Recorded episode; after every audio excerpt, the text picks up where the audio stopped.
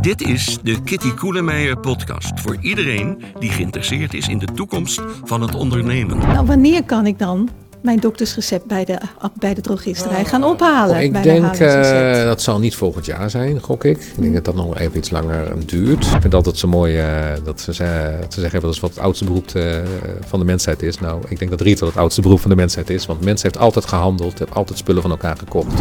En heb je ook uitgerekend wat dat in efficiëntie oplevert hè, voor de sector? Ja, dat is, een dat is een lastig om echt een getal aan te plakken. Maar je moet echt denken aan serieus geld. In deze aflevering gaat Kitty in gesprek met Ed van de Weert, CEO van ES Watson Benelux, bekend van Kruidvat en Trekpleister. Kitty spreekt met Ed over zijn visie op de rol van de drogisterij in de gezondheidszorg. Halen we over een paar jaar onze medicijnen op de hoek bij de drogist? Ik spreek met Ed van der Weert, CEO van ES Watson Benelux. Welke formules vallen daaronder, Ed? Eh, kruidvat, wel bekend natuurlijk, trekpleister. En we hebben ook nog wat outletwinkels, die heten Prijsmapper. En hoeveel zijn het er in totaal? Nou ja, als je allemaal bij elkaar optelt, de hele Benelux, zitten we net niet op 1500 winkels. Zo, en hoeveel daarvan in Nederland? Oh, bijna 1000 kruidvatwinkels, 200 trekpleisters en 17 prijsmappers. En nou heb jij een enorme diverse ervaring in retail, maar ook aan fabrikantenzijde. Hè? Je bent Ja. je carrière begonnen bij Procter Gamble. Klopt ja. Pracht- Eh, ja. prachtige leerschool. Ja, dat vak geloof te ik. leren. Ja. Welk vak? Nou, het vak eigenlijk van fast moving, want daar zit ik nog steeds in. En Procter is natuurlijk een bedrijf wat eh, nou, dat zo'n beetje ontdekt heeft of ontwikkeld heeft. Dus eh, het was een prachtige leerschool. En het bouwen van merken natuurlijk ook. Absoluut. Merken en het hele idee van eh, werken met klanten, inzichten en eh, nou ja, dat. En je hebt bij Ahold gewerkt. Ook nog, ja. Ja, ook wat jaren. Is in Nederland als unit manager voor houdbaar en in Tsjechië voor Centraal-Europa. Nou, dat was wel grappig, want ik ging daar werken en eh, Polen werd verkocht. Dus eh, Centraal-Europa werd Tsjechië opeens. Maar een prachtige leerschool. En daarna ben ik naar Jumbo gegaan. Zeven jaar commercieel directeur geweest. Ik zeg altijd van winkel 209 naar winkel 581. Want dat was natuurlijk een ontzettende groei geweest met de overname toen de tijd eh, van Super de Boer en later van 2000. Ja, dus ja. de leverancierszijde, een grote corporate als Ahold, maar ook een familiebedrijf als Jumbo. Zeker, zeker. hebt, en dan je hebt alle, alle kanten gezien, zeg maar. En Ja. dan nu, nu bij AS Watson. En waar zit dat zo'n beetje qua positionering tussen Nou, die drie? Ja, dat is wel heel grappig, want eh, ik, ik bedoel, kan- ik heb dus drie retailbedrijven die ik met elkaar kan vergelijken. Het, eh, het wat corporate multi- eh, multinational Ahold en het echte familiebedrijf Jumbo. Beide hebben absoluut een goede kant en beide ook hun uitdagingen. En ES Watson zit een beetje tussenin. Want het is van oorsprong ook een familiebedrijf. Hè. De familie De Rijk heeft dat ooit, ooit zeg maar, ja, gesticht. En het komt vanuit Groenwoud. Eh, dus er zijn een heleboel kenmerken van een familiebedrijf. Maar het is onderdeel van ES Watson Internationaal. En dat is echt een grote multinational eh, met eh, als hoofdkantoor in, in Hongkong, onderdeel van Hutchison. Dus ja, weet je, het is een mooie blend. Tussen aan de ene kant kenmerken van een familiebedrijf, aan de andere kant de kenmerken van een multinational. Dan dat valt me heel goed. Dat zie ik. Ja, zie ik aan zeker, je. Ziet zeker. eruit of je heel goed bevalt. Ja, beste both ontspannen. worlds zeg ik altijd. Ja. Dus, ja. We gaan het met elkaar hebben over de rol van de drogisterij in de gezondheidszorg. En dat is een, ja, een nieuw thema, interessant thema. Nou, misschien niet nieuw, maar wel, jij bent daar echt in vliegende vaart eh, bewegingen aan het brengen.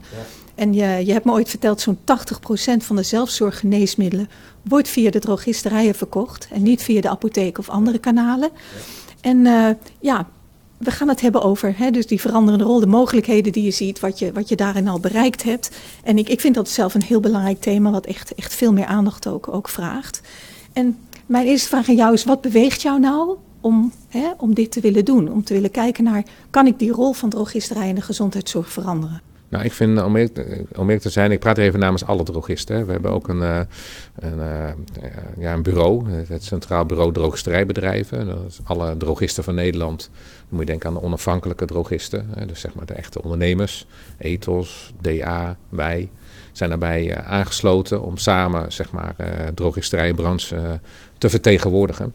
En wij zijn een soort, eh, ja, moet ik het zeggen, een soort, nou stille kracht wil ik het niet noemen, maar eh, eh, een beetje ehm, miskend over de rol die we hebben in de maatschappij. En eh, corona Op welke heeft. manier miskend? Nou, kijk, drogisterijen spelen in het leven van mensen een hele belangrijke rol. Uh, als het zeker uh, gaat over gezondheid en um, ook over hygiëne, de combinatie van gezondheid en hygiëne. En zeker als het aankomt op zelfzorgmedicatie. En uh, corona heeft natuurlijk een heleboel nare dingen teweeggebracht, een heleboel dingen op zijn kop gezet. Maar het heeft onze rol als drogisten wel verstevigd. Want toen de coronacrisis begon, toen moest eigenlijk uh, uh, ja, de overheid bepaalde toen wat er toe deed en welke branches er wat minder toe deden. Hè, met de hele discussie over essentieel en niet essentieel. Wat ook helemaal niet leuk is voor als je niet essentieel bent om te horen dat je er niet toe doet.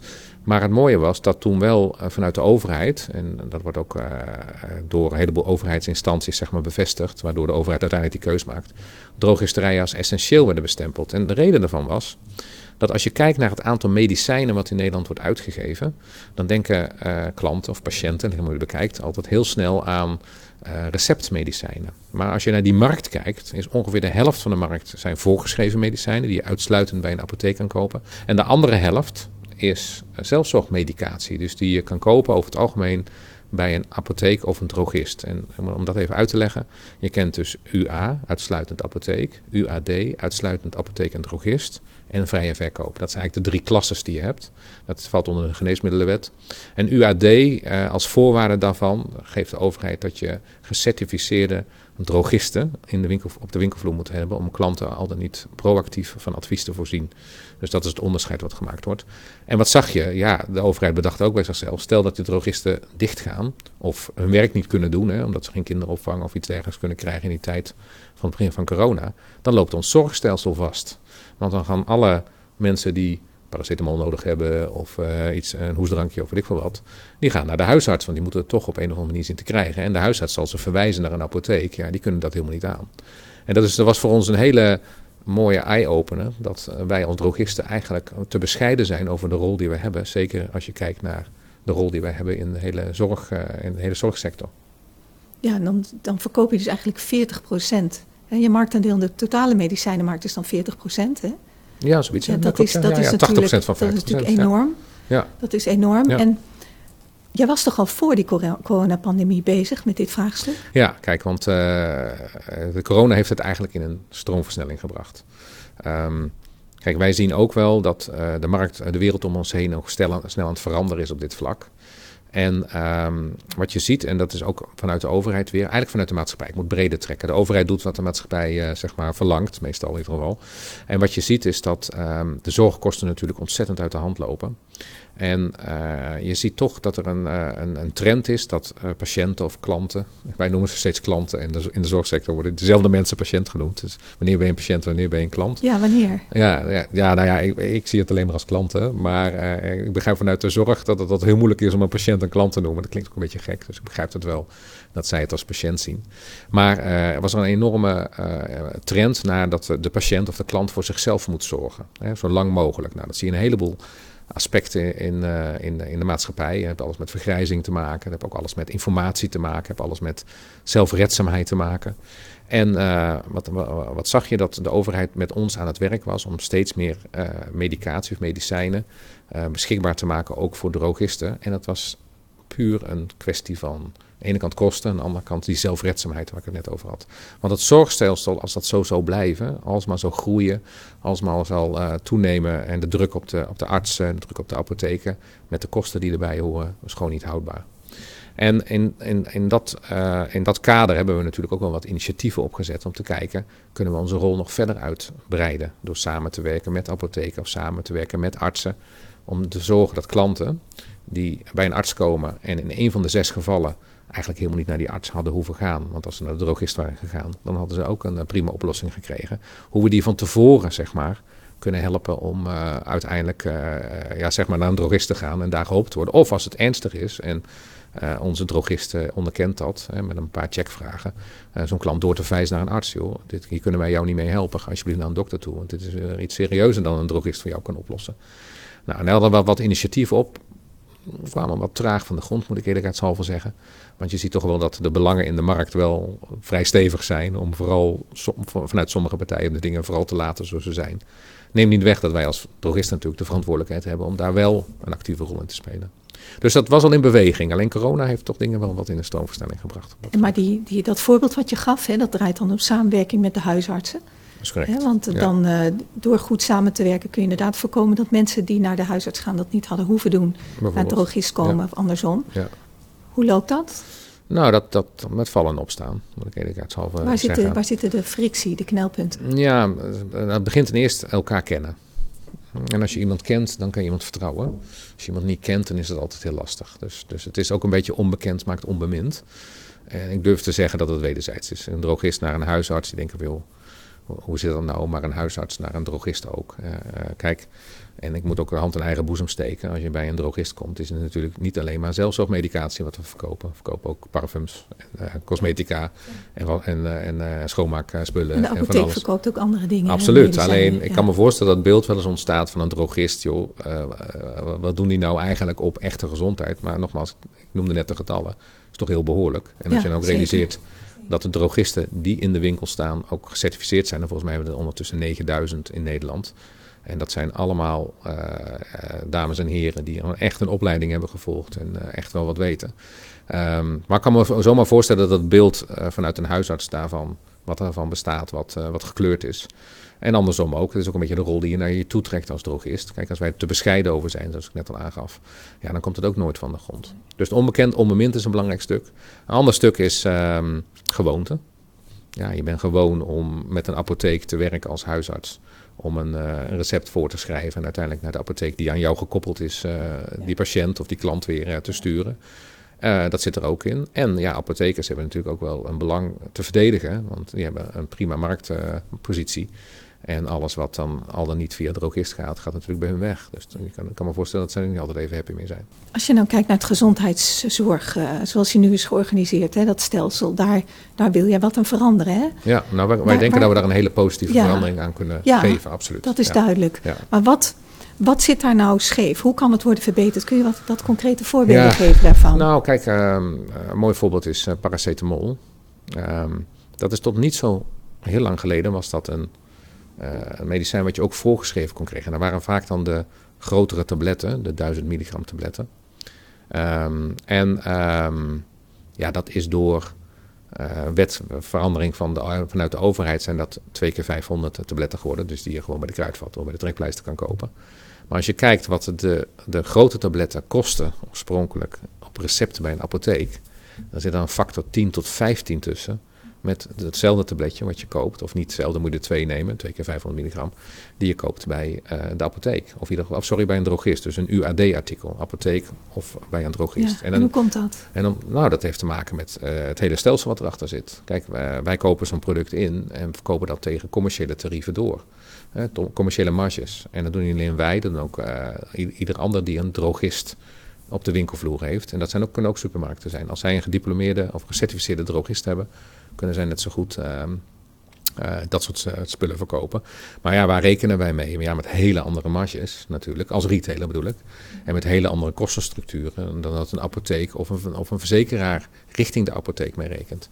En als je een paracetamol hetzelfde behandelt als een ontzettend complex medicijn wat je nodig hebt, vooral niet voor je hart of iets anders en maar je gebruikt dezelfde kostenstructuur die erachter zit van een massaproduct ten opzichte van een heel specialistisch product. Ja, dan zie je wel dat daar nog wel wat voordelen te halen zijn. En dan heb je het over die UAD-producten, zoals mm -hmm. je die noemt. En ja. 80% daarvan gaat dus via de drogisterij. Dus dan zou je 20% nog te winnen hebben. Nou ja, dat is natuurlijk een illusie dat je dat allemaal naar binnen haalt. Ja, ja. Zit daar dan echt de winst? Waar, waar zit de winst, financieel ook? Voor wie bedoel je? Nou, voor het stelsel als geheel. Nou, daar, de efficiëntie. Kijk, dit gaat specifiek over UAD, maar um, uh, je kan ook meerdere uh, medicijnen die nu uitsluitend apotheek zijn, UAD maken. Als, als je de veiligheid zeg maar um, onder controle hebt, dus dat je uh, mensen op de winkelvloer hebt en de juiste adviezen geeft aan de klant weer, dan kan je meer artikelen die vandaag de dag uitsluitend apotheek zijn, naar de UAD-markt brengen. Dus, dus die markt kan vergroot worden, de UAD-markt, door dat uh, zeg maar vrij te geven. En welk en, deel van die 50% uh, uitsluitend op recept verkrijgbare medicijnen is, gaat het dan? Dat weet ik niet precies, maar toch wel een aanzienlijk deel. Tientallen want, procenten? Nou, ik durf wel te zeggen een derde sowieso. Okay. Daar zou potentie in zitten. En we werken met het College ter Beoordeling Geneesmiddelen. Daar hebben we een samenwerking overeenkomst mee. Uh, namens het CBD, hè, het College of het Centraal Bureau Drogisterijen. En wij werken samen met het College ter Beoordeling Geneesmiddelen om ook te kijken hoe we hoe we A, informatie kunnen uitwisselen. Dat is misschien het allerbelangrijkste. Zodat uh, het college ook de, de, garantie heeft dat het op een veilige manier uh, gebeurt. En daarmee het vertrouwen te winnen om wellicht wat meer uitsluitend apotheekartikelen ook naar UAD te brengen. En, maar, maar het stopt daar niet, want ehm, wat je ook ziet bij de uitsluitend apotheekartikelen, dat het een overgrote merendeel zijn herhaalrecepten. Dus daar, daar, hoeft de, daar moet de apotheek natuurlijk werk voor doen. Hij moet dat, dat, artikel hebben. Hij moet controleren of het bij de juiste patiënt terechtkomt. Maar uh, daar zit niet een speciaal element van zorg in om te kijken of deze patiënt uh, wel uh, weet wat voor, wat voor medicijn het is, goed kan innemen en de juiste dosering kent. Of de combinatie met andere medicijnen. Of dat, er zit wel altijd een check toch nog op? Zeker, zeker. Alleen dat is, dat is bij de eerste keer als je medicijn gebruikt heel belangrijk. Hè. Dat moet echt gebeuren. En het is vooral de combinatie van medicijnen wat een risico vormt. Hè. Het gaat helemaal niet over, vaak over het medicijn aan zich. Maar als je het ene met het andere gebruikt, dat het elkaar versterkt of verzwakt. Dus nou ja, daar ken je de problematiek denk ik ook al van. Uh, maar als jij een herhaalrecept hebt, dan weet je dat al. Want dan, dan is die check al geweest. Ja, als er niet zeker, iets nieuws bij is gekomen in de tussentijd. Nee, ja. nee of niks veranderd. En uh, hè, er zijn heel veel mensen die hebben cholesterolpillen of uh, voor bloedverdunners of nou ja, noem het allemaal maar op. Um, die, die, slikken dat jaren. Dag in dag uit. Die weten precies wat voor product dat is. Vandaag de dag is dat apotheekproduct. Ja. Dat is uitsluitend apotheek. En en dat begrijp ik heel goed vanuit die eerste check. En zorgen dat dat allemaal goed op de rit gezet wordt. En dat de arts ook geen fout maakt door iets verkeerds voor te schrijven in combinatie. Dat checkt een apotheek ook. Dus het is ook een soort vangnet voor artsen. Hè, om te zorgen dat, dat daar geen domme dingen gebeuren, om even zo te zeggen. Maar als je wat verder bent en je gebruikt het al uh, een half jaar of een jaar. En uh, je hebt nog een heleboel jaren hopelijk uh, voor je om het te gebruiken. Dan kan je dat ook wel wat eenvoudiger en efficiënter maken. En dan zouden wij als drogisten ook prima een rol in kunnen spelen. Als we kunnen controleren wat het identiteit is van een patiënt of klant. En deze spullen netjes, uh, zeg maar, één op één aan zo'n klant uh, overdragen. Dan kunnen wij dat, drogistenbedoel dan even, ontzettend efficiënt. Want wij zijn ingericht op distributie van goederen op een efficiënte en slimme manier. Dus, dus daar zit ook nog wel ruimte of potentie in ieder geval, wellicht voor de toekomst. Om daar ook over uh, te praten met de branche en met de, zorg, met de zorgverzekeraars die daar natuurlijk een belang in hebben. Aangezien ja, zij ook zoeken naar manieren om kosten zeg maar, uh, te sparen. En ik hoor jou en, uh, ook, aan klantwaarde refereren, hè? want dat het eigenlijk makkelijk voor de klant is om bij de drogist dit te halen. Nou ja, kijk, weet je, ook daarin, ik denk dat, dat, dat, dat iedereen die ervaring deelt. drogisten, er zijn ongeveer 3500 drogisterijen in Nederland. ik durf te stellen, als ik even namens Kruidvat praat, binnen 10 minuten heb jij een kruidvat. Overal in Nederland. Nou, moet ik even een kleine voorbehoud maken voor mensen die op de Waddeneilanden wonen. Want dan hebben we niet op de Schelling, Ameland of Vlieland. Maar de rest van Nederland kan binnen 10 minuten echt naar een kruidvat toe. We zijn lang open. Van 8 uur s ochtends, vaak tot 8 uur s avonds, soms tot 9 uur. We hebben afhaalservice, we hebben uh, thuisbezorgd, we hebben van alles en nog wat. Omdat we een commercieel bedrijf staan.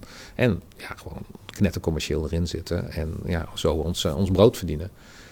Dat is wel wat anders dan apotheken. Ik denk dat iedereen die ervaring wel deelt. A zijn er veel minder apotheken. is Nederland echt een bijzonder land in. De dichtheid van apotheken is relatief laag. Dat heeft ook weer met drogisterijen te maken. Maar als je het vergelijkt met België of Frankrijk of Spanje, dan zie je op elke straathoek wel een farmacie die ook van alles en nog wat meer verkoopt. Ook vaak ook beautyproducten en zo. Maar dat is in principe de apotheek. Um, ja, dat kennen wij in Nederland niet. Nee. Dus ook daarin, even uit, uit uh, zeg maar de, het voordeel wat je geeft, geeft naar de klant of de patiënt. Uh, een drogisterij kan dat ook heel. We zijn ook heel klantgericht als drogisterijen. En heb je ook uitgerekend wat dat in efficiëntie oplevert hè, voor de sector? Ja, dat is, een dat is een lastig om echt een getal aan te plakken. Maar je moet echt denken aan serieus geld. Dus dan praat je over, uh, ja, snel over tientallen miljoenen. Als je naar de hele zorgsector kijkt. Uh, wat, wat, wat als potentie er ligt. Maar zoals ik net al aangaf. De markt is vandaag de dag in een bepaald evenwicht.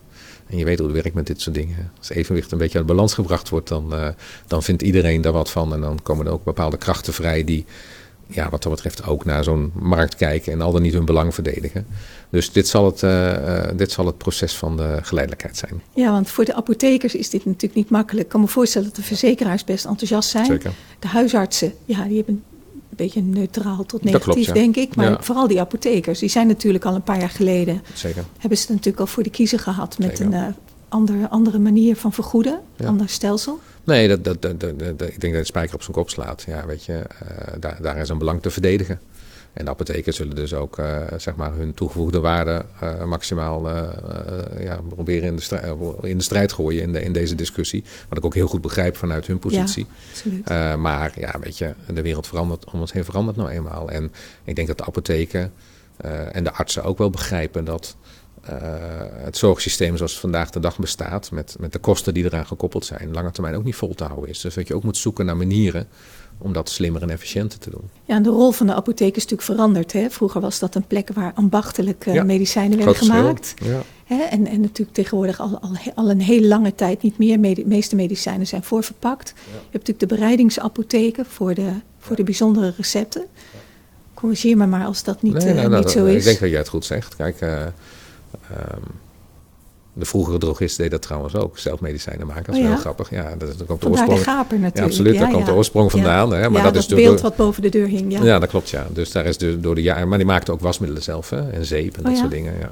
Maar het was eigenlijk een... Uh, als je het ook opzoekt in de definitie, is wel heel lollig. Het is volgens mij, uh, heet het een, een detailhandelslocatie voor chem, chemische, chemische middelen of zo. Dus als je vroeger iets nodig had wat iets met chemie te maken had, ging je naar de drogist toe. Ja, en dan ging ik naar de groenteboer natuurlijk, nou ja, spreekt van zich of te slagen. Maar dat is natuurlijk door de jaren heen helemaal veranderd. Een apotheek is, is daar de extreme vorm van, hè, van zelfmedicijnen maken. Maar je hebt helemaal gelijk. Dat is ook door de jaren heen drastisch veranderd. En uh, voorverpakt. Ja, dat is ook iets wat wij heel goed kunnen. Ik bedoel, dat is ook een beetje ons vak om dat op een slimme manier te distribueren. Ja, oneerbiedig gezegd is het letterlijk dozen schuiven. Ja, een beetje oneerbiedig gezegd. Maar nee, maar ja, nee, je hebt in principe een punt. Kijk, een, uh, een winkel, in ieder geval een winkel waar niks gemaakt wordt, hè, of niks, uh, niks, niks zeg maar bereid wordt, hè, anders dan een slager die zelf snijdt of, of slacht, is natuurlijk in principe een soort ja, magazijn, een soort opslagplaats, hè, waar, waar je een selectie aanbiedt aan de klant. Uh, en die daar fijn vindt om te komen en, en daar relatief in ons geval weinig voor betaalt. Dus dus je hebt helemaal gelijk. Het is een logistieke functie die we hebben. Of een onderdeel van wat we doen is een logistieke functie. En ja, daar zit eigenlijk geen limiet aan. Dan kan je, eh, als je met de juiste checks, kan je natuurlijk alles aanbieden. Begrijp best wel de zorg hoor, ook vanuit uh, de, de zorgsector, hè, vanuit de overheid. Van ja, gaat het dan op een goede manier? Uh, zijn de risicowaarschuwingen dan op orde? vindt die identiteitscontrole goed plaats? Maar dat zijn allemaal zaken die ook in de huidige maatschappij, met de huidige technologie, prima op te lossen zijn. Als je al vandaag de dag kijkt naar QR-codes, wat voor een gemeengoed dat geworden is. Als je ziet hoe je met DigiD, met je ID-kaart, je DigiD-code al gekoppeld is, zodat je identiteitscontrole online kan doen.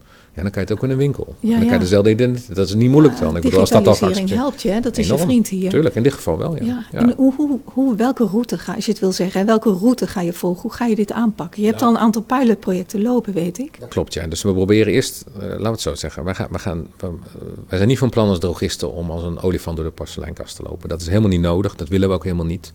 We willen wel de dialoog aangaan met de zorgverzekeraars, met de artsen, ook met de apotheken. Uh, al dan niet. En hoe wij dit ook zeg maar, vorm kunnen geven. Waardoor het uiteindelijk voor iedereen werkt. Voor de arts dat hij het juiste doet voor zijn patiënt of voor zijn klant. Voor de zorgverzekeraar dat zij op een slimme, maar verstandige en veilige manier uh, kosten kunnen besparen. Voor de apotheek om de rol van de apotheek wellicht weer uh, wat op te schuiven. Hè, wat meer naar de echte toegevoegde waarde die een apotheek levert. En natuurlijk hoe wij zelf dat uh, op, een, op een manier kunnen doen. Dus we hebben gekozen voor uh, het gesprek aan te gaan. Om overleg te hebben. Om samen te kijken naar wat mogelijk is. We hebben een test lopen in het plaatsje Brummen. Ik begreep dat je er nog wat bij had, hè? Daar heb ik gewoond als kind. Ja, dat bedoel ik. Van, ja. Wie had dat gedacht? Lang, van mijn derde tot mijn negende. Nou, ik bedoel maar. Nee, van Brummen een speciale plek bij jou. Ja, zeker. Maar daar hebben we een test lopen waarin wij ook ervaring op doen op dit vlak. Um, en ook leren van hoe werkt dat dan, de, de, de, rol tussen een drogist, een apotheek en een arts. Ik moet wel bij zeggen dat informatie daar, we hadden het net al even over digitalisering, toch wel cruciaal is. En dat heeft alles te maken met dat wat een arts voorschrijft en een apotheek geeft, dat wordt vastgelegd. Maar wat je bij een drogist koopt, dat wordt niet per se vastgelegd. Dus we hebben daar nog wel wat werk te doen in hoe brengen we dat goed in kaart, zodat de arts ook weet wat iemand bij een drogist koopt zodat hij kan inschatten of dat medicijn, al dan niet een zelfzorgmedicijn, uh, ja, in combinatie met het uh, zeg maar, uh, apothekersmedicijn, of dat elkaar niet bijt. Dus informatie is weer kern hier. En hoe zorgen we dat het plaatje ook voor de arts compleet is. ik moet wel even bij zeggen dat dat vandaag de dag ook niet helemaal bekend is. Dus daar hebben we nog wel werk te doen. Want jij kan een drogist binnenlopen en van alles nog wat kopen. en niet tegen je arts vertellen. En dan is het risico er nog steeds. Als je begrijpt wat ik bedoel. Dat wordt niet meer of minder. Anders dan dat je de informatie ook op een slimme manier ontsluit. Zie je daar nog mogelijkheden voor de blockchain in de toekomst? Of is dat wat ver gezocht? Ja, ik denk dat dat wat ver gezocht is. En ik weet niet welke technologie helemaal precies daarvoor. Uh... je legt alles dan feilloos vast. Hè? ja, alleen er, er zit ook een rol van de, van de klant zelf in. Ja, absoluut. Dat, dat is een beetje het punt. Want dat heeft alles met privacy weer te maken. En uh, nou, er is natuurlijk een hele discussie geweest over het elektronische patiëntendossier en alles wat daar gekoppeld is. Um, dat, dat, ik het goed begrepen heb, zat daar ook een element in dat de klant dingen zelf kan toevoegen, of de patiënt zelf zaken kan toevoegen. Daar moet je het zoeken. Dus uh, we zullen zien. Maar we kiezen voor de dialoog. En, uh, en ik denk dat dat ook heel goed is. En ook, ook op dit vlak, dat, dat weten we natuurlijk ook, ook uit ervaring uh, van, van drogisterij in het algemeen. niks staat stil. Alles is in beweging en dat zal altijd zo blijven. Dus uh, onze uitdaging is natuurlijk om dat op een manier te doen die, uh, die ons als drogisten en de markt in het algemeen helpt. Ja, en, en consumenten, klanten, patiënten, hoe je ze wil noemen, hebben nu natuurlijk toegang tot hun elektronisch, tot hun patiëntendossier. Wat, wat natuurlijk een aantal jaar geleden helemaal niet vanzelfsprekend nee, was. Nee. Maar je zou ook kunnen denken aan een, een, een zorg-app, hè, waarin alle informatie staat die je gewoon bij je kunt dragen, waar je nog veel makkelijker inza inzage hebt. Als we kijken hè, hoe mijn ouders, ze zijn uh, uit 1942 en 1943 alle twee hartstikke gezond. Hoe makkelijk zij al met technologie omgaan. Vandaag de dag met apps en toestanden. Ach, weet je, het is vaak wel een vijf keer uitleggen en uh, nog een keer proberen. Maar uh, zelfs zij hebben de handigheid om met relatief eenvoudige technologie, vaak op een smartphone, om een hele, hele best wel complexe materie die wij vroeger heel complex vonden, heel eenvoudig te maken. Dus ik heb daar best wel vertrouwen in dat daar, dat, dat de toekomst is. En patiënten of klanten willen natuurlijk heel graag het heft in eigen handen hebben. Iedereen vindt het fijn om aan het stuur van zijn eigen leven te zitten Absoluut. en om dit soort dingen eh, onder controle te hebben. Nou ja, en daar, eh, ik denk dat op die trend inspelen, in goed overleg met de zorgverzekeraars en met het college de beoordeling, geneesmiddelen, met, de, met de artsen en met de apotheken, dat we daar gewoon voor Nederland aan zich, ik wil het niet dramatiseren, maar best wel positieve dingen kunnen betekenen. En heb je, wat, wat is je volgende stap, hè? of je volgende pilot, je volgende project? Op dit vlak, Ja, Nou, we hebben, met Brumma zijn we nu nog niet helemaal klaar, dus eh, we willen dat eerst even goed evalueren. Maar ehm, zoals ik al vertelde, we hebben een samenwerkingsovereenkomst met het College ter Beoordeling van Geneesmiddelen. Dus daar gaat die wat, dialoog wat gaat door. daar gebeuren? Nou, niet, kijk, we hebben in principe afgesproken dat we informatie met elkaar delen. Dat is, dat is de kern van de, van de samenwerking. Uh, wij vragen niet aan, de, aan het college van, uh, nou, we hebben nog wel wat ideeën voor wat UAD-medicijnen. En weten andersom ook niet. Ik bedoel, het is niet zo dat het college zegt, nou, zou jullie dit kunnen doen? Maar we hebben wel met elkaar afgesproken als de gezondheid van Nederland en van klanten voorop staat. En uh, wij die rol heel serieus nemen, dan is het maar goed als we samenwerken en informatie uitdelen, zodat het college beter zeg maar, zijn of haar werk kan doen en wij dat ook kunnen doen. Onderwerp van gesprek is natuurlijk wel dit. Dus dat is voor ons wel de route om uh, verder te praten over, uh, over dit soort zaken en hoe ver hebben we dat op een verstand en verantwoorde manier uh, zeg maar vorm kunnen geven. Tegelijkertijd praten we ook met zorgverzekeraars, ja. want wij hebben wel een oplossing, denken wij, voor een van, van de uitdagingen van zorgverzekeraars, namelijk oplopende zorgkosten. En waar dat allemaal toe gaat leiden, dat moeten we even afwachten. Oké. Okay. En nou vraag ik in het kader van deze podcast aan de mensen hè, om mij heen en ook wat verder weg, welke vraag ze nou graag zouden willen stellen hè, aan jou. Ik heb gezegd, Ed van der Weert komt hier, we gaan het hebben over gezondheidszorg en drogisterijen. En eigenlijk de vraag die naar voren kwam was, nou wanneer kan ik dan mijn doktersrecept bij de, bij de drogisterij gaan ophalen. Nou, ik bij denk uh, dat zal niet volgend jaar zijn, gok ik. Ik denk Hmm. dat dat nog even iets langer duurt. Hoeveel maar, langer? ja, ik denk dat dat tussen nu en een jaar of vier wel moet lukken. 2025. Ja, ik denk dat dat. Kijk, de ontwikkelingen gaan zo snel. Ja. Uh, en uh, het hangt van een heleboel factoren af. Zoals ik al aangaf. En zeker uh, of het echt een initieel dokterrecept is, dat denk ik in elkaar halve niet. Maar een herhaalrecept, dat moet zeker Ja. haalbaar zijn. Maar dat is ook voorschrift, dat is ook voorgeschreven, toch? Zeker, zeker, zeker. Maar En een herhaal, waar, we, waar we het net al eventjes over hadden, een herhaalrecept is van een andere orde dan een Ja, eerste recept. Duidelijk. Dat heeft alles te maken met, eh, met checks, gewoon die plaats moeten vinden om te kijken of het echt voor jou geschikt is. Ja, maar dat is, dat is tegelijkertijd veel voorkomend. Hè? Mensen zullen zich ook veiliger voelen Zeker. als het om een herhaalrecept gaat dan om Nou, een het, eerste eh, het, recept. het interessante Ja. is, het is het overgrote deel van de markt, is herhaalrecepten. Het, het overgrote merendeel van de medicijnen die uitgegeven worden zijn niet initieel, maar zijn herhaalmedicijnen. En dat is natuurlijk heel logisch. Als jij op een gegeven moment op een bepaalde leeftijd een cholesterolpilletje krijgt, dan, dan word je geacht dat te blijven slikken. Als je een bepaalde aandoening hebt, uh, die op een bepaalde behandeling op aanslaat, ja, is dat vaak, dat loopt langer door. En dan bedoel ik even het apotheekstuk. Kijk, ziekenhuizen en ziekenhuisapotheken is een andere markt hoor. Dan gaat het heel erg. Ik bedoel, dat is een hele andere type medicijnen ook. Dit is puur, zeg maar, het is denk ik een onbeleefd woord en ik weet helemaal niet uh, wat de echte term daarvoor is, thuisverbruik. Ja, dat is wat anders dan ziekenhuisverbruik. Kan me daar, daar, daar, bij voorstellen. Dan praat je over infusen en om dat soort zaken. Dat is van een hele andere orde. En uh, nou maakt jouw bedrijf ES Watson Benelux onder, is onderdeel van een uh, ja, van ES Watson Group. Ja. En die is weer eigendom van CK Hutchinson Holdings Limited. Dat, klopt, ja. Ja. dat is een Aziatische, hè, is een, een, een firma uit Hongkong. Dat klopt, ja. Hoe gaan die nou om met jouw inspanning, jouw initiatieven? Hè? Om in, dat is toch vrij, vrij ja, het is baanbrekend. En tegelijkertijd zijn die zorgstelsels in al die landen verschillend. Dus Dat ik kan me ja. voorstellen dat ze ook niet helemaal Ja. in beeld hebben hoe dat in Nederland is. Hoe kijken ze daar tegenaan? Ja, nou allereerst zitten 35 markten. Ja. En, eh, dus je hebt helemaal gelijk, die hebben heel veel vergelijkingsmateriaal. Ik moet wel zeggen dat eh, er zijn wat grotere markten en wat kleinere markten. En wij, en dan bedoel ik even Kruidvat, samen met Superdruk, dat is ons zusterbedrijf uit Engeland. En Rosman, dat is ons zusterbedrijf uit Duitsland. Zit ook in Polen, Hongarije en Tsjechië. Eh, en trouwens nog een paar andere landen, maar zijn ze heel klein. In ieder dat zijn de hoofdmarkten eh, in Europa. Dat zijn eigenlijk de maas, dat zijn zeg maar de, de drogisterijen, de mass markets. Hebben we dat ook met Watson, ehm, Watsons, dat zit in Azië voornamelijk. Eh, en dat varieert tussen zoiets als wij doen, met kruidvat, tot en met een beautywinkel. Dus, dus eh, waar meer de focus op beauty ligt, hangt heel erg van het land af. Dus zij kijken natuurlijk met veel belangstelling hiernaar, want wij zijn niet voor niks een health en beauty retailer. Nou, het woord health zegt dat al. En je hebt helemaal gelijk, als je naar Engeland bijvoorbeeld kijkt, daar kennen wij in onze superdrugs pharmacies. Dus eigenlijk zoals het in Amerika is. En dan heb je een drogisterij en er zit ook een apotheek in. Uh, de wetgeving is daar wat, wat, uh, wat eenvoudiger voor ons om, om zeg maar een apotheek te kunnen runnen in een retail locatie.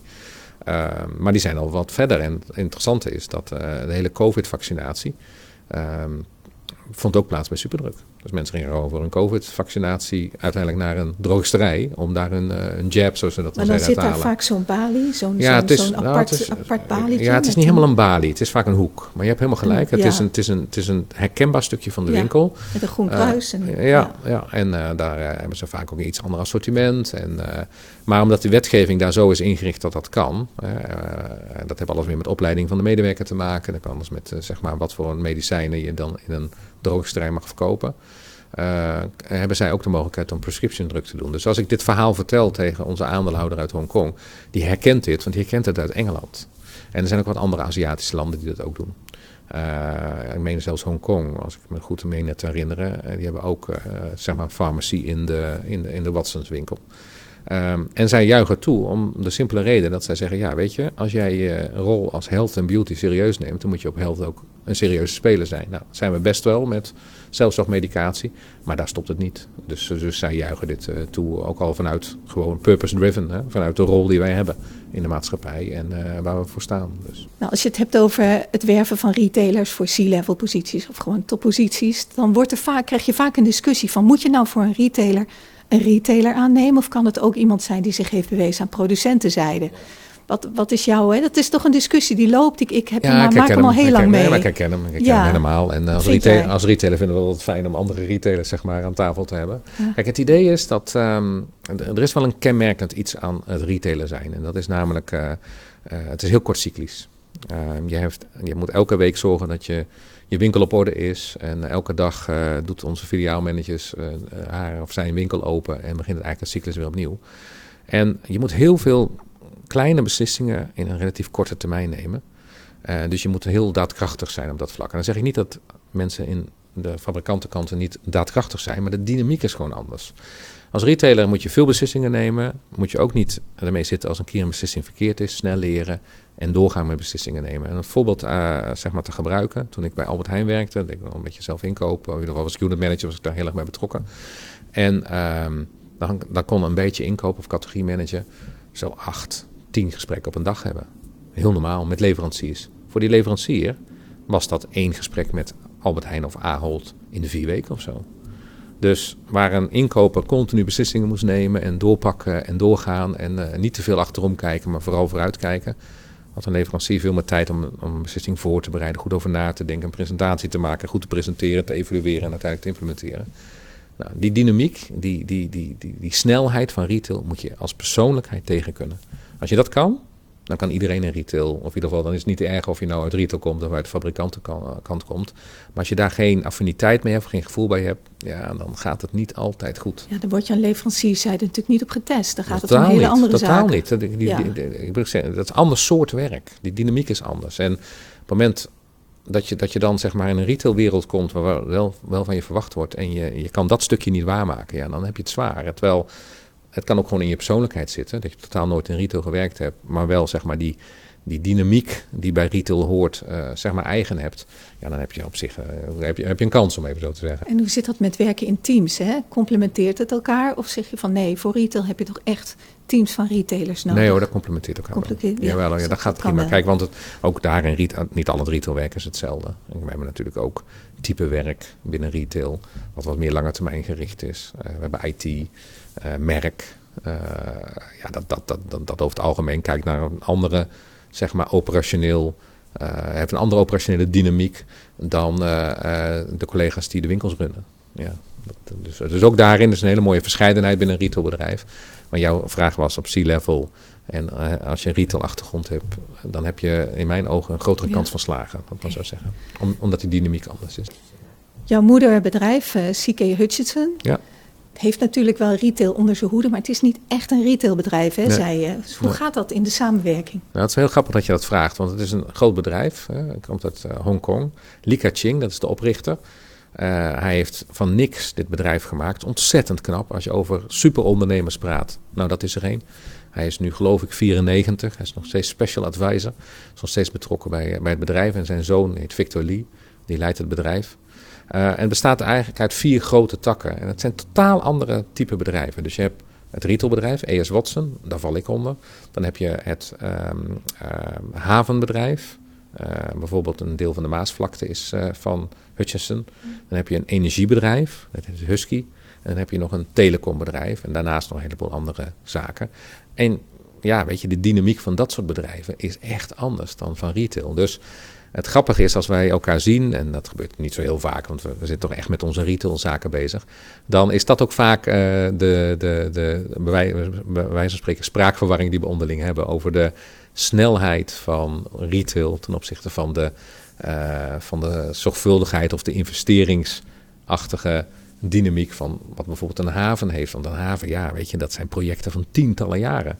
En dan eh, gaat het bij ons over de weekfolder. Ja, dat is dus toch wel twee werelden die elkaar. Aan de andere kant, eh, het is prachtig om te zien hoe, hoe zij hun, zeg maar, eh, eh, succesvol zijn in hun business. En zij kijken met veel bewondering en belangstelling naar ons. Want ja, wat wel heel erg mooi is aan een retailbedrijf, is natuurlijk dat wij een cash generator zijn. Ik bedoel, daar gaat zoveel geld doorheen.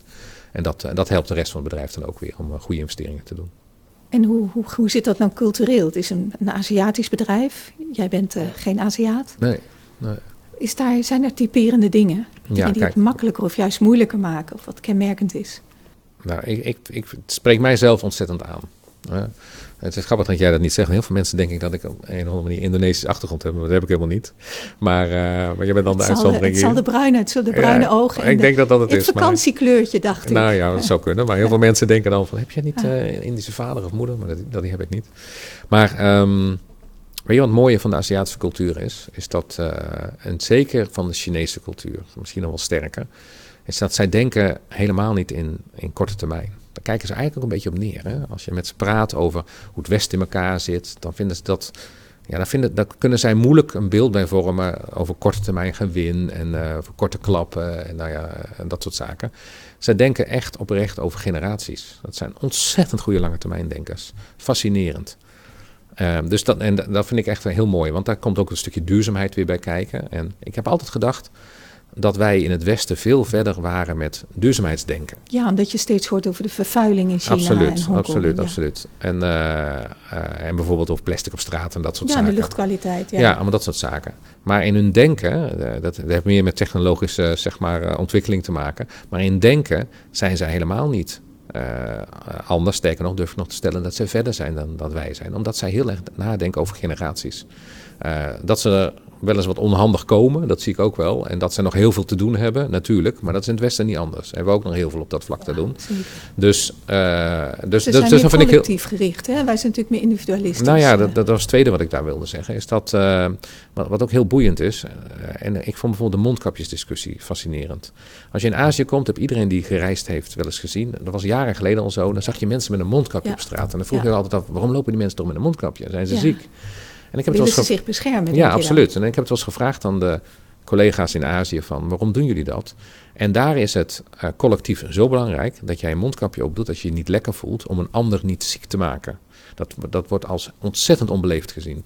Uh, en dat doe je niet. Dat is niet goed voor de groep, dat is niet goed voor het collectief. Dus dat, dat doe je niet.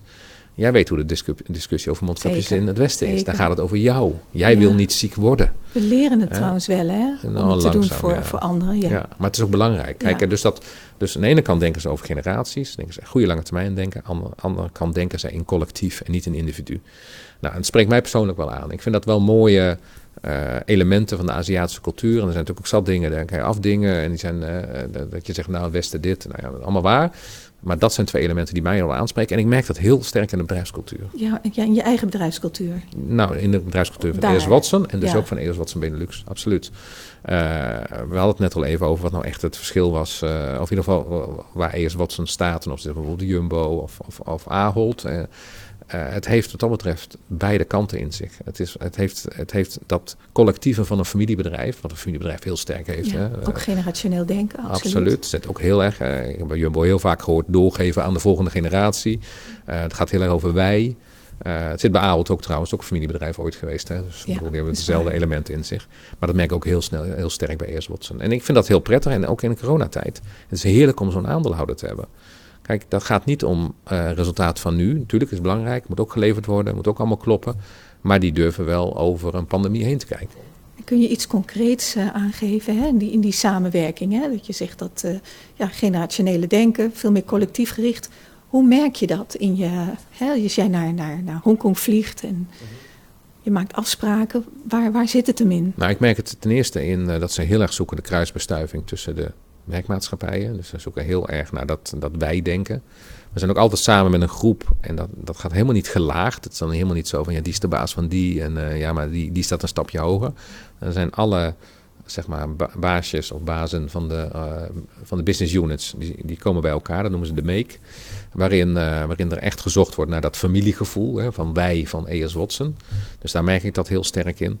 En ik merk het in dat er echt ruimte is om te investeren in de lange termijn.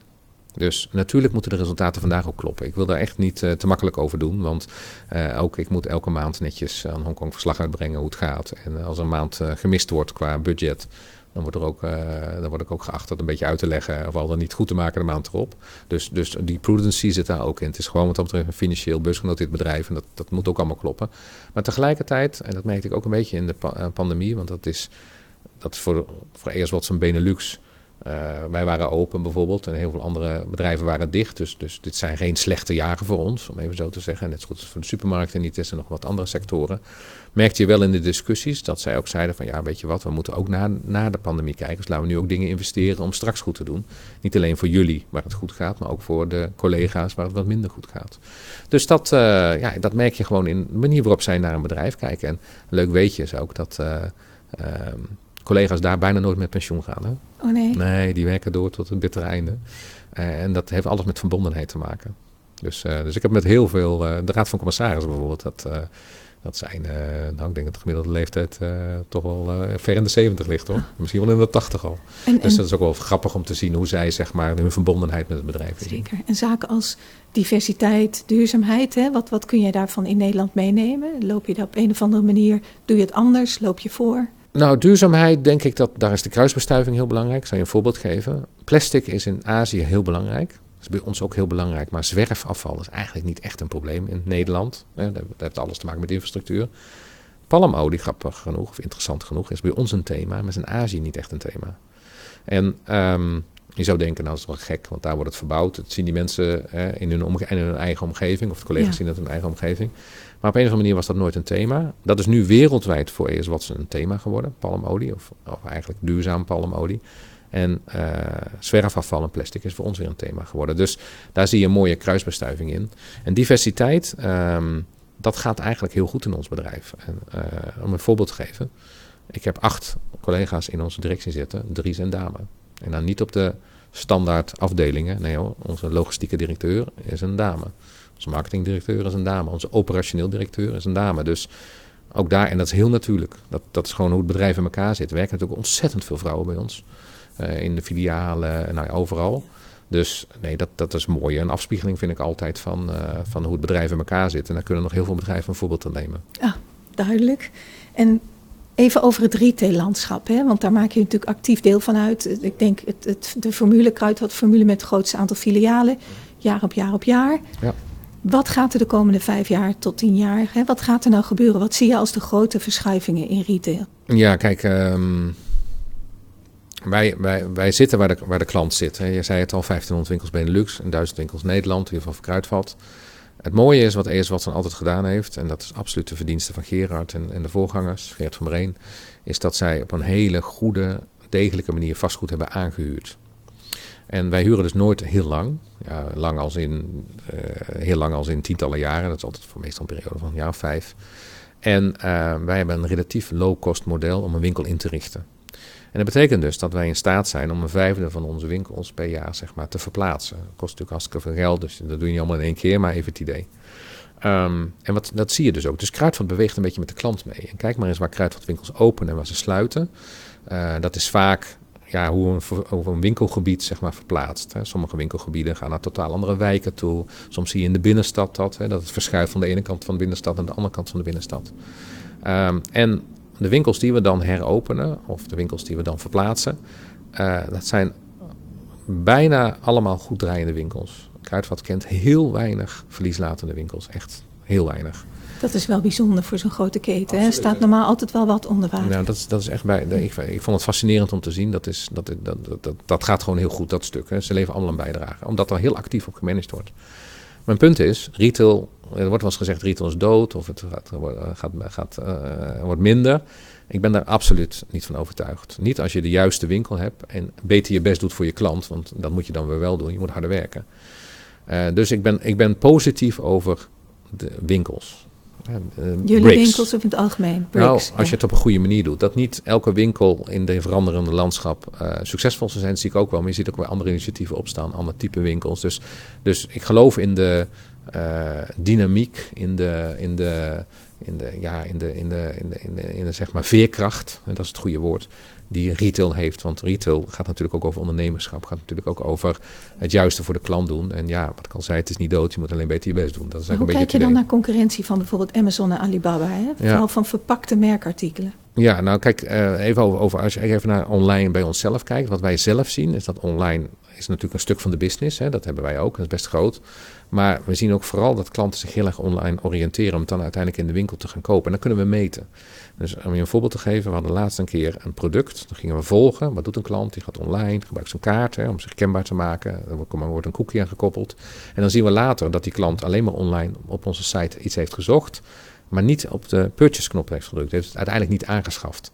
Maar twee dagen later heeft het wel in een van onze winkels gekocht. Dus dan weten we, hey, online heeft een rol gehad in de klant uiteindelijk de beweging te laten maken naar de winkel toe. Blijft dat zo, denk je? Nou, het neemt toe neemt het toe. Ja, dus in, in, procenten kun je daar wat over zeggen? Ja, nou, daar wil ik eigenlijk niet zoveel over zeggen, echt in procenten. Maar wat we zien is dat er steeds meer klanten eh, online onderdeel van hun wereld is, waarin ze zich oriënteren, waarin ze zich uh, sommige producten gewoon kopen, omdat ze het niet handig vinden om naar de winkel voor te gaan. En dan kom je vaak op verpakte goederen uit, bulkgoederen, luiers bijvoorbeeld. Dat is echt een grote online business ondertussen.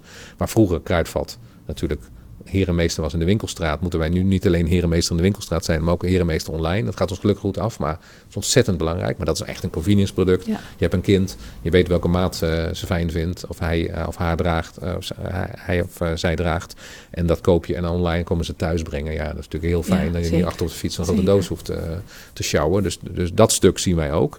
Maar we zien ook dat klanten heel vaak hybride zijn, open zo. Dus dat zij zich online oriënteren en dan toch nog graag naar de winkel gaan. Al dan niet om te snuffelen. Om een, beetje tijd voor zichzelf te hebben. Om dingen te ontdekken wat ze online niet hebben kunnen vinden. En we zien toenemen. Dus, dus ik ben daar heel positief over. Dat, dat, dat online de, de BRICS-wereld versterkt. En we hebben te lang als BRICS, uh, zeg maar, winkeliers, online als een bedreiging gezien. En mijn pleidooi is ook, omarm het, want het kan je winkels versterken, niet verzwakken. Uh, het, is, het is juist een, een extra dimensie die het aan je winkel geeft. En uh, ik zeg ook altijd, ja, natuurlijk heb ik het liefst een klant die naar de winkel komt. Want daar heb ik mijn hele infrastructuur op ingericht en hebben we al onze investeringen gedaan. Als een klant niet naar de winkel wil komen, kan ze het ook komen ophalen in de winkel. Komt ze alsnog naar de winkel. Dat vind ik fijn, want dan kan zo'n rondje door de winkel lopen en dan ligt wat uh, spulletjes kopen. Maar als een klant het thuis bezorgd wil krijgen, omdat het beter uitkomt en dat makkelijk is, doen we het ook met liefde. Maar de combinatie van die drie dingen, dat maakt ja. als retailer En dan helpt het natuurlijk. Sorry, dan helpt het natuurlijk dat je flexibel bent hè, qua locatie, qua inrichting. Ja, dat helpt ontzettend. En niet te grote winkels nee, kijk, Als je op een gegeven moment ga, kan je winkels gaan krijgen. Ik heb dat in Tsjechië meegemaakt. Daar kan ik niet heel veel in detail over zeggen. Maar daar waren hele lange leases. Uh, op uh, moeilijke locaties. Dan wordt een molensteen om je bedrijf. Wat moet je? Ja, je moet het maar tot een succes maken, want je zit er nog twintig jaar aan vast. Nou, dat, dat voordeel hebben wij gelukkig bij AS Watson. Heel vaak blijven we zitten. Zitten we tientallen jaar op dezelfde plek, niks aan de hand. Maar soms ja, is het beter om je spulletjes op te pakken en ergens anders een nieuw pand aan te huren. Omdat daar de klant nu eenmaal is.